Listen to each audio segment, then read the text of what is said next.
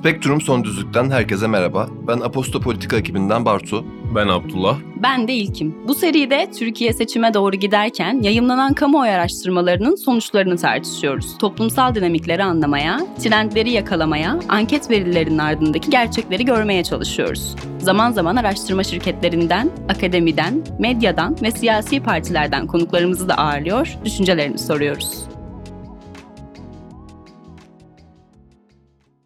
Spektrum Son Düzlük'ten herkese merhaba. Bu hafta zaman zaman gündemin ana tartışması haline gelen muhalefetin Cumhurbaşkanı adayı kim olacak konusunu ele alacağız. Gündemde kurulan yeni ittifakları sıklıkla görüyoruz. Henüz geçtiğimiz haftalarda HDP, EMEP, TİP ve 3 partinin daha yer aldığı bir Emek ve Özgürlük İttifakı isimli ittifak duyuruldu. Memleket ve Zafer Partisi gibi partilerin de yer alacağı dördüncü bir ittifakın da kurulacağı iddia edildi. Ancak Altılı Masa'nın ittifakı işin başka bir boyutu. Ana muhalefet partilerinden olan CHP ve İyi Parti'nin yer aldığı bu ittifak kurulduğundan bu yana ittifaka ilişkin çok sayıda mesele tartışılıyor ama güncelliğini daima koruyan, asla eskimeyen tek mesele Cumhurbaşkanı adayları. Öyle ki her ay bir isim zikrediliyor, bazen aynı isimler yeniden tekrar tekrar gündeme geliyor. Şu anki konjektürde şunu biliyoruz, altılı masa ortak aday çıkarmayı hedefliyor. Hatta henüz geçtiğimiz günlerde Ali Babacan'ın bir açıklaması oldu, ortak adaydan yanayız diye. Ve bu adayın da Türkiye'nin 13. Cumhurbaşkanı olacağı ifade ediliyor.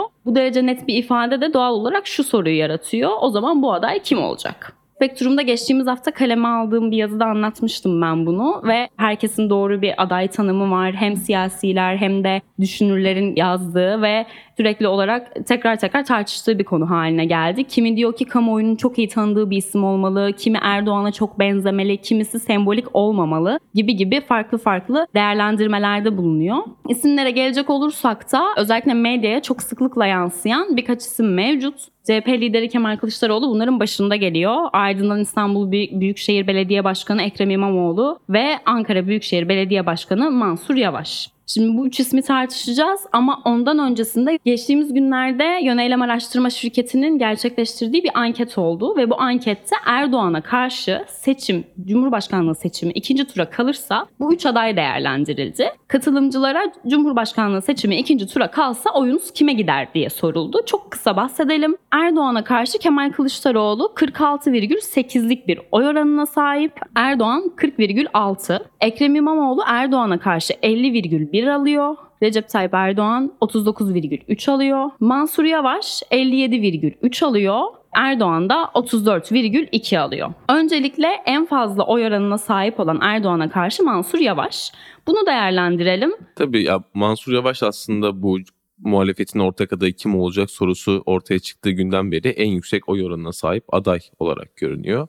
Burada tabii ki belediye başkanı olarak hem sosyal yardımların arttığı, çeşitli belediyecilik hizmetlerinin daha yükselişe geçtiği bir dönem yaşanıyor Ankara'da. Ve bu açıdan aslında Kemal Kılıçdaroğlu veya İyi Parti lideri Akşener gibi isimlerin önünde gelir, geliyor belediye başkanları. Şimdi iktidar partisiyseniz mesela Cumhurbaşkanı Erdoğan seçime kadar çeşitli icraatlar yaparak, somut adımlar atarak oy oranı düşse bile bunu tekrar yükseltme imkanına sahip. Ama ana muhalefet lideri için böyle bir imkan yok. Çünkü siz ancak iktidara geldiğinde ben şunu yapacağım diye vaatte bulunabiliyorsunuz belediye başkanlarına baktığımız zaman Türkiye ölçeğinde olmasa da yönettikleri büyük şehirlerde e, başarılı icraatlarda bulunarak iktidara gelmeleri durumunda bunların devam edeceği algısı yaratabiliyorlar halkta. Bu yüzden Ekrem İmamoğlu ve Mansur Yavaş aslında Kılıçdaroğlu'nun önünde geliyor. Mansur Yavaş'ın birçok yorumcuya göre e, bir diğer avantajı da siyasetin dışında kalan bir isim olması genelde hep icraatleriyle tanınıyor ve kendisi de aslında günlük siyasi tartışmalara girmeden e, Ankara'ya hizmet et, edeceğini ilan ediyor sürekli olarak. Ama ben bunun yanlış bir yaklaşım olduğunu düşünüyorum. Yani günümüz Türkiye konjonktüründe günlük siyasi tartışmalara girmeden iktidara gelmenin bir yolu olduğunu düşünmüyorum açıkçası. Bu yüzden Mansur Yavaş aday gösterilmesi durumunda şu anki popülaritesini kaybetme ihtimaline sahip.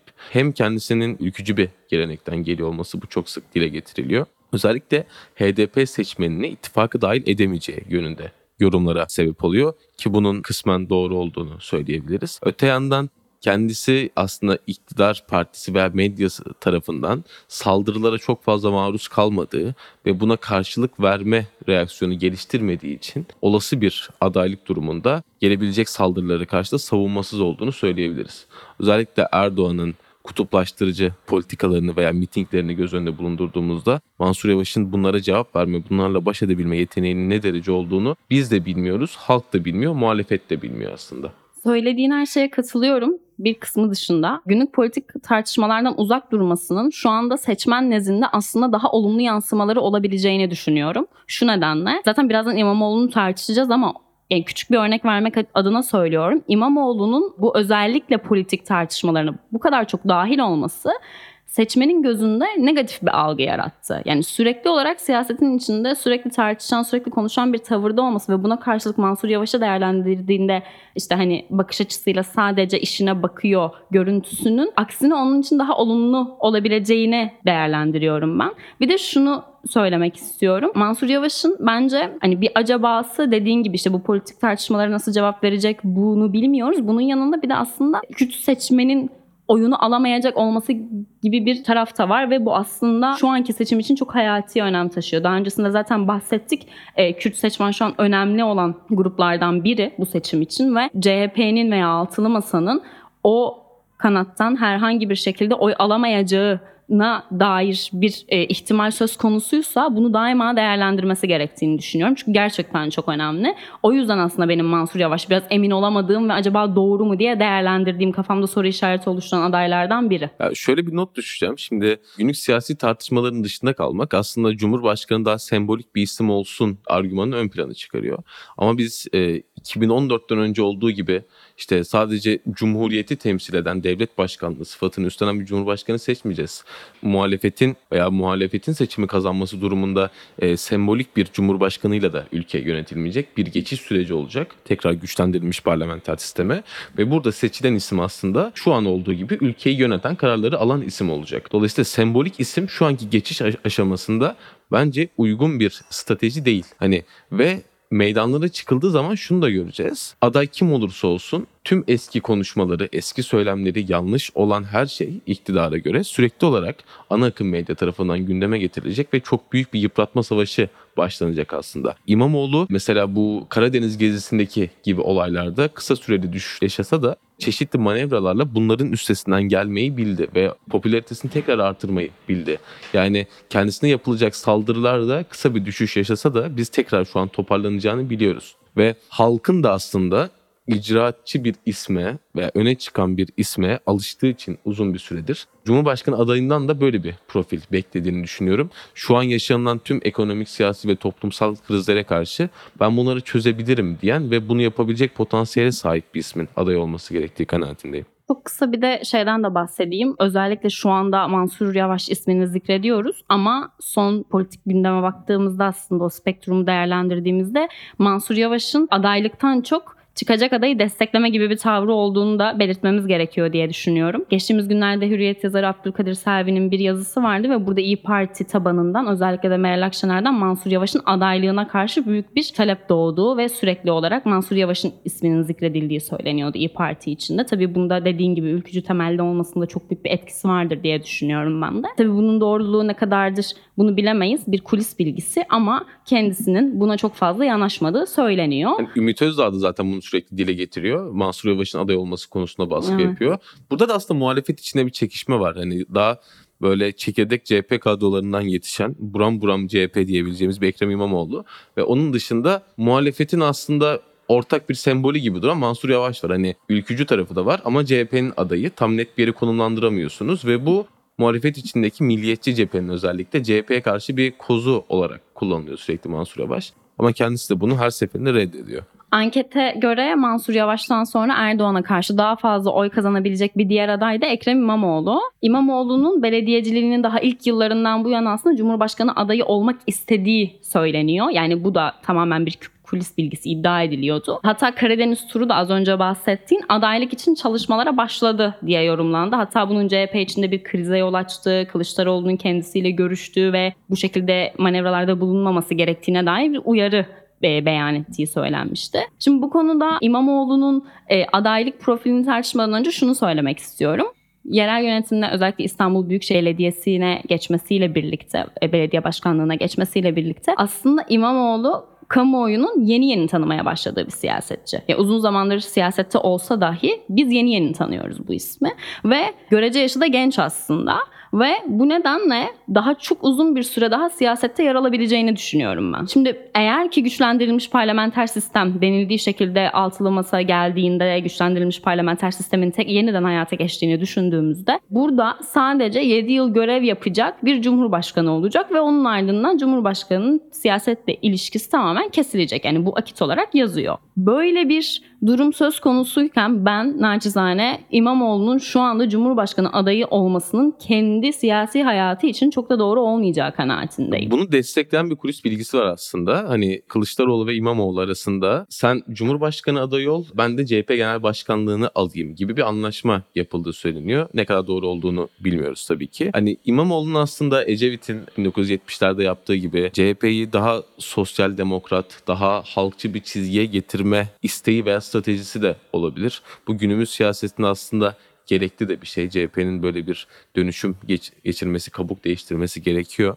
Ama şimdi Cumhurbaşkanlığı ile alakalı şöyle bir sorun var. Bir yandan seçimden iki yıl sonra muhalefetin kazanması halinde güçlendirilmiş parlamenter sisteme geçileceği söyleniyor. Ama öte yandan da seçilen Cumhurbaşkanı'nın 7 yıl işte sembolik bir isim olarak görev yapacağı söyleniyor. Bu ikisi birbiriyle çatışan söylemler aslında. O yüzden şu anki aday sembolik bir Cumhurbaşkanı olmayacak. Burası kesin. Çünkü hem şu anki yönetim şekli Cumhurbaşkanı'nda icraatçı bir makam, hatta tek icra makamı olmasını dayatıyor. Hem de güçlendirilmiş parlamenter sisteme geçmek istiyorsanız bu Cumhurbaşkanı'nın ön planda bu dönüşüm yapan kişi olması gerekiyor. O yüzden hani tekrar altını çizmek istiyorum. Sembolik bir Cumhurbaşkanı biz seçmeyeceğiz. Ve halkın da ben böyle bir talebi olmadığını düşünüyorum aslında. Çok kısa şunu da belirtmek gerekiyor. Şimdi Mansur Yavaş'ın yerel yönetimdeki başarısını değerlendirebiliyoruz. Çünkü kendisi belediye meclisinde de kendi partisi öndeydi ve bu nedenle birçok hizmeti hayata geçirebildi. Ekrem İmamoğlu'nun aksine İmamoğlu'nun belediye meclisiyle de yaşadığı bir takım problemler var. Farklı partilerin yer alması nedeniyle AK Parti'nin daha çok çoğunlukta olması nedeniyle. O yüzden ben kendisinin hizmetlerini de bir süre daha görmemiz gerektiğini düşünüyorum aslında. Şimdi geçelim Kemal Kılıçdaroğlu'na. CHP lideri Kemal Kılıçdaroğlu. Bizim tartışmayı da çok sevdiğimiz bir lider kendisi. Gençlerin Ee, demokrat amcası. Bay Kemal diğer ismiyle. Şimdi bu ankete göre Kılıçdaroğlu Erdoğan'ın önünde. Ancak ve ancak şimdi şöyle bir detay var diye düşünüyorum. Psikolojik olarak Kemal Kılıçdaroğlu'nun CHP Genel Başkanı olmaya başladığı dönemden bu yana herhangi bir şekilde Erdoğan'ı geçtiği bir dönem yok. Yani kazandığı, ona karşı kazandığı bir şey yok. O yüzden. Bence Belediye seçimleri hariç diye.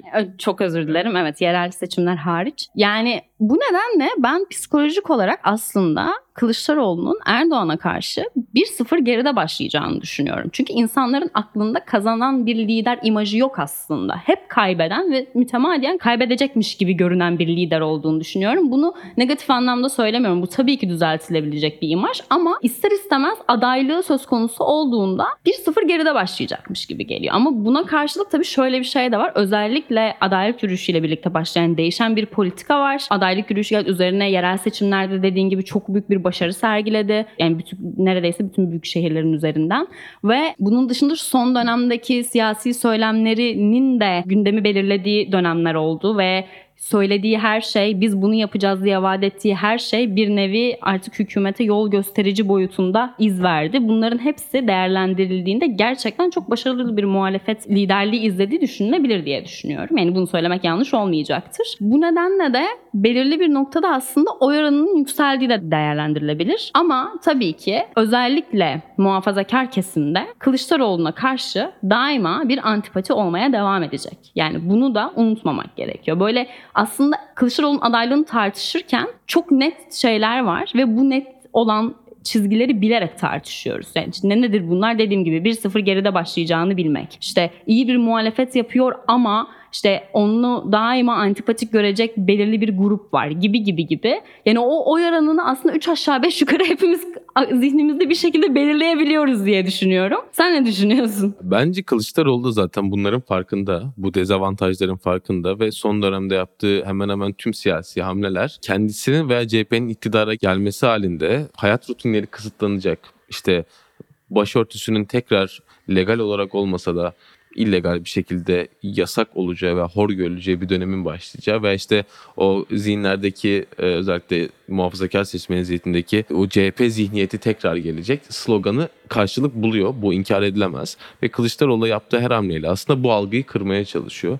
Bu anlamda bu kadar kutuplaşmış bir siyasette e, bir ortak nokta yaratmaya çalışıyor. İşte hak, insan hakları, e, özgürlüklerin yeniden tesisi, adil bölüşüm, işte kardeşçe yaşama gibi bizim 70'lerde de aslında Ecevit'te gördüğümüz o sosyal demokrat çizgiyi tekrar hayata geçirmeye çalışıyor siyasette. Bunda belirli bir noktaya kadar başarılı olduğunu da görüyoruz. Ama mesela son bu başörtüsü kanunu diyelim tırnak içinde hamlesinde de görüldüğü gibi bunun iktidar tarafından kendi lehine çevrilme ihtimali çok yüksek. Erdoğan her seferinde bu CHP zihniyeti ve Kılıçdaroğlu algısını tekrar tekrar kaşıyor ve bunun da karşılık bulduğunu biliyoruz. Hani Kılıçdaroğlu'nun aslında bu çok değerli bir hamlesiydi. O özellikle işte muhafazakar kesimdeki yasakçı CHP zihniyetini kırmaya, silmeye çalışıyor. Bunu şu an iktidarın tekelinden bu konuyu almaya çalışıyor aslında. Ama Erdoğan bunu bir şekilde yeni anayasaya bağlayarak veya Türkiye'de zaten böyle problem yok. Biz bunu işte 10 sene önce çözdük diyerek buradan yine kendine bir avantaj sağlamaya çalışıyor. Ve Kılıçdaroğlu'nun dezavantajı da bu aslında. Zihinlerde oturmuş, zihinlere kazınmış CHP zihniyetinin ve işte kaybeden Kılıçdaroğlu algısının bir şekilde kırılması şu an e, Kılıçdaroğlu'nun siyaseten en büyük engeli önündeki mücadele olarak görünüyor. Bu başörtüsü yasası, yasağı ile ilgili de şunu söylemek istiyorum. Şimdi zaten CHP'nin tarihi olarak belirli bir kesimde çok büyük yaraları mevcut. Ve bu yaraların da kanun maddeleriyle, kanun teklifleriyle daha doğrusu bir anda sarılabilmesinin mümkünatı yok. Seçime 9 ay kalmışken böyle bir hamle yapılması ve toplumun belirli bir kesimiyle barışma isteğini çok iyi anlayabiliyorum. Ama ya bir yandan şunu da söylemek istiyorum. Bir kadının giydiği herhangi bir kıyafetin artık siyaset malzemesi olmaması gerektiğini düşünüyorum. Çünkü bu konuda bence artık toplum da çok yıprandı ve özellikle kadınlar çok yıprandı. Tabii ki yasal güvence altına alınmalı ama bunun bir seçim hamlesi ise seçim hamlesi olarak kullanılmasının son derece yanlış olduğunu savunuyorum. Çünkü kimsenin kimsenin hakkı, kimsenin özgürlüğü herhangi bir seçim hamlesi olamaz ve olmamalı. Yani bu şekilde bunu yorumlamak da, değerlendirmek de kesinlikle ve kesinlikle çok yanlış. Kılıçdaroğlu'ndan da bahsettikten sonra sana çok küçük bir soru sorayım. Evet dinliyorum. Sence muhalefetin Cumhurbaşkanı adayı nasıl biri olmalı? Bir cümleyle. Kim olmalı demiyoruz. Nasıl biri olmalı? Bir, icraatçı olmalı. Yani sembolik bir cumhurbaşkanı adayı ben görmek istemiyorum şahsen. İkincisi şu an yaşadığımız tüm adaletsizliklerin hem ekonomik olarak hem siyasi olarak kısıtlanmış yaşam haklarının tekrar insanlara hakkıyla iade edileceğini garanti eden ve beni buna inandıran biri olmalı. Senden de alalım. Ben muhalefetin Cumhurbaşkanı adayının öncelikle eşitlikçi biri olmasını istiyorum. İkinci olarak da gerçekten siyaseti bilen bir adayın olması gerektiğini düşünüyorum ve bunu istiyorum yani hani. Bunun yanında bence bu kadar kutuplaşmış bir toplum varken barışçı söylemlerde bulunan ve tamamen barışa odaklanan, halkın belirli bir kesimine değil tamamını oynayan ve tamamını gören bir aday olmasını istiyorum. Bir de bir şey daha ekleyeceğim. Hani ben böyle işte ÖTV'yi kaldıracağız otomobilde veya işte elektronik aletlerden ne bileyim vergi almayacağız gibi vaatler de istemiyorum. Şunu istiyorum. Bu ülkede eğitim alan, çalışan, uğraşan, didinen herkes hak ettiği hayata, hayat standartına ulaşacak, hak ettiği parayı alacak. Kimse siyasi bağlantıları var diye veya işte aileden gelen bir zenginliği var diye diğerinin cebindeki parayı kendine aktaramayacak. Böyle bir ekonomik düzen kuracağız diyen kişi istiyorum. Eşit, adil ve özgür diye Evet, hak- özetleyelim hakça mi? bölüşüm. Hakça bölüşüm. Evet. Güzel oldu. Çok kısa Cumhurbaşkanı Erdoğan'ın görev yapışından da bahsedelim. Metropol Araştırma Şirketi'nin anketine göre Cumhurbaşkanı Erdoğan'ın görev yapışını onaylayanların önceki aya göre 5 puan artarak %46,6 olduğu açıklanmış. Cumhurbaşkanı Erdoğan'ın son dönemdeki zaten hem iç siyasetteki söylemleri tekrardan ön plana çıktı. Kendisi yeniden gündemi belirleyen taraf oldu. Bunun yanında dış politikada da başarılı hamleler yaptı ve daha doğrusu topluma çok başarılı hamlelerle geldiği gösterildi. Bu nedenle aslında Erdoğan'ın görevine onayın artmış olmasının garipsemiyorum ben şahsen. Evet. Sen ne düşünüyorsun? Zaten geçen hafta da bir anket yayınlanmıştı. İşte dış politikadaki hamleleri başarılı buluyor musunuz sorusuna %41 evet başarılı buluyorum diyor. Şu an iç politikada elle tutulacak hiçbir şey yok. Ee, sadece dış politika üzerinden bir e, başarı algısı yaratabilirsiniz. Cumhurbaşkanı Erdoğan da zaten bunu yapmaya çalışıyor. Buna oynuyor ve uluslararası konjonktürde buna çok uygun. Hem işte Ukrayna'nın işgali, Türkiye'nin burada arabuluculuk oynamaya çalışması, Enerji Avrupa'daki krizi. enerji krizi, yüksek enflasyon bir şekilde tüm okları Cumhurbaşkanı Erdoğan'ın lehine çeviriyor ve o da bu avantajı çok iyi kullanıyor diyebiliriz. Spektrum Son Düzlük'ten bu hafta bu kadardı. Bizi dinlediğiniz için teşekkür ederiz.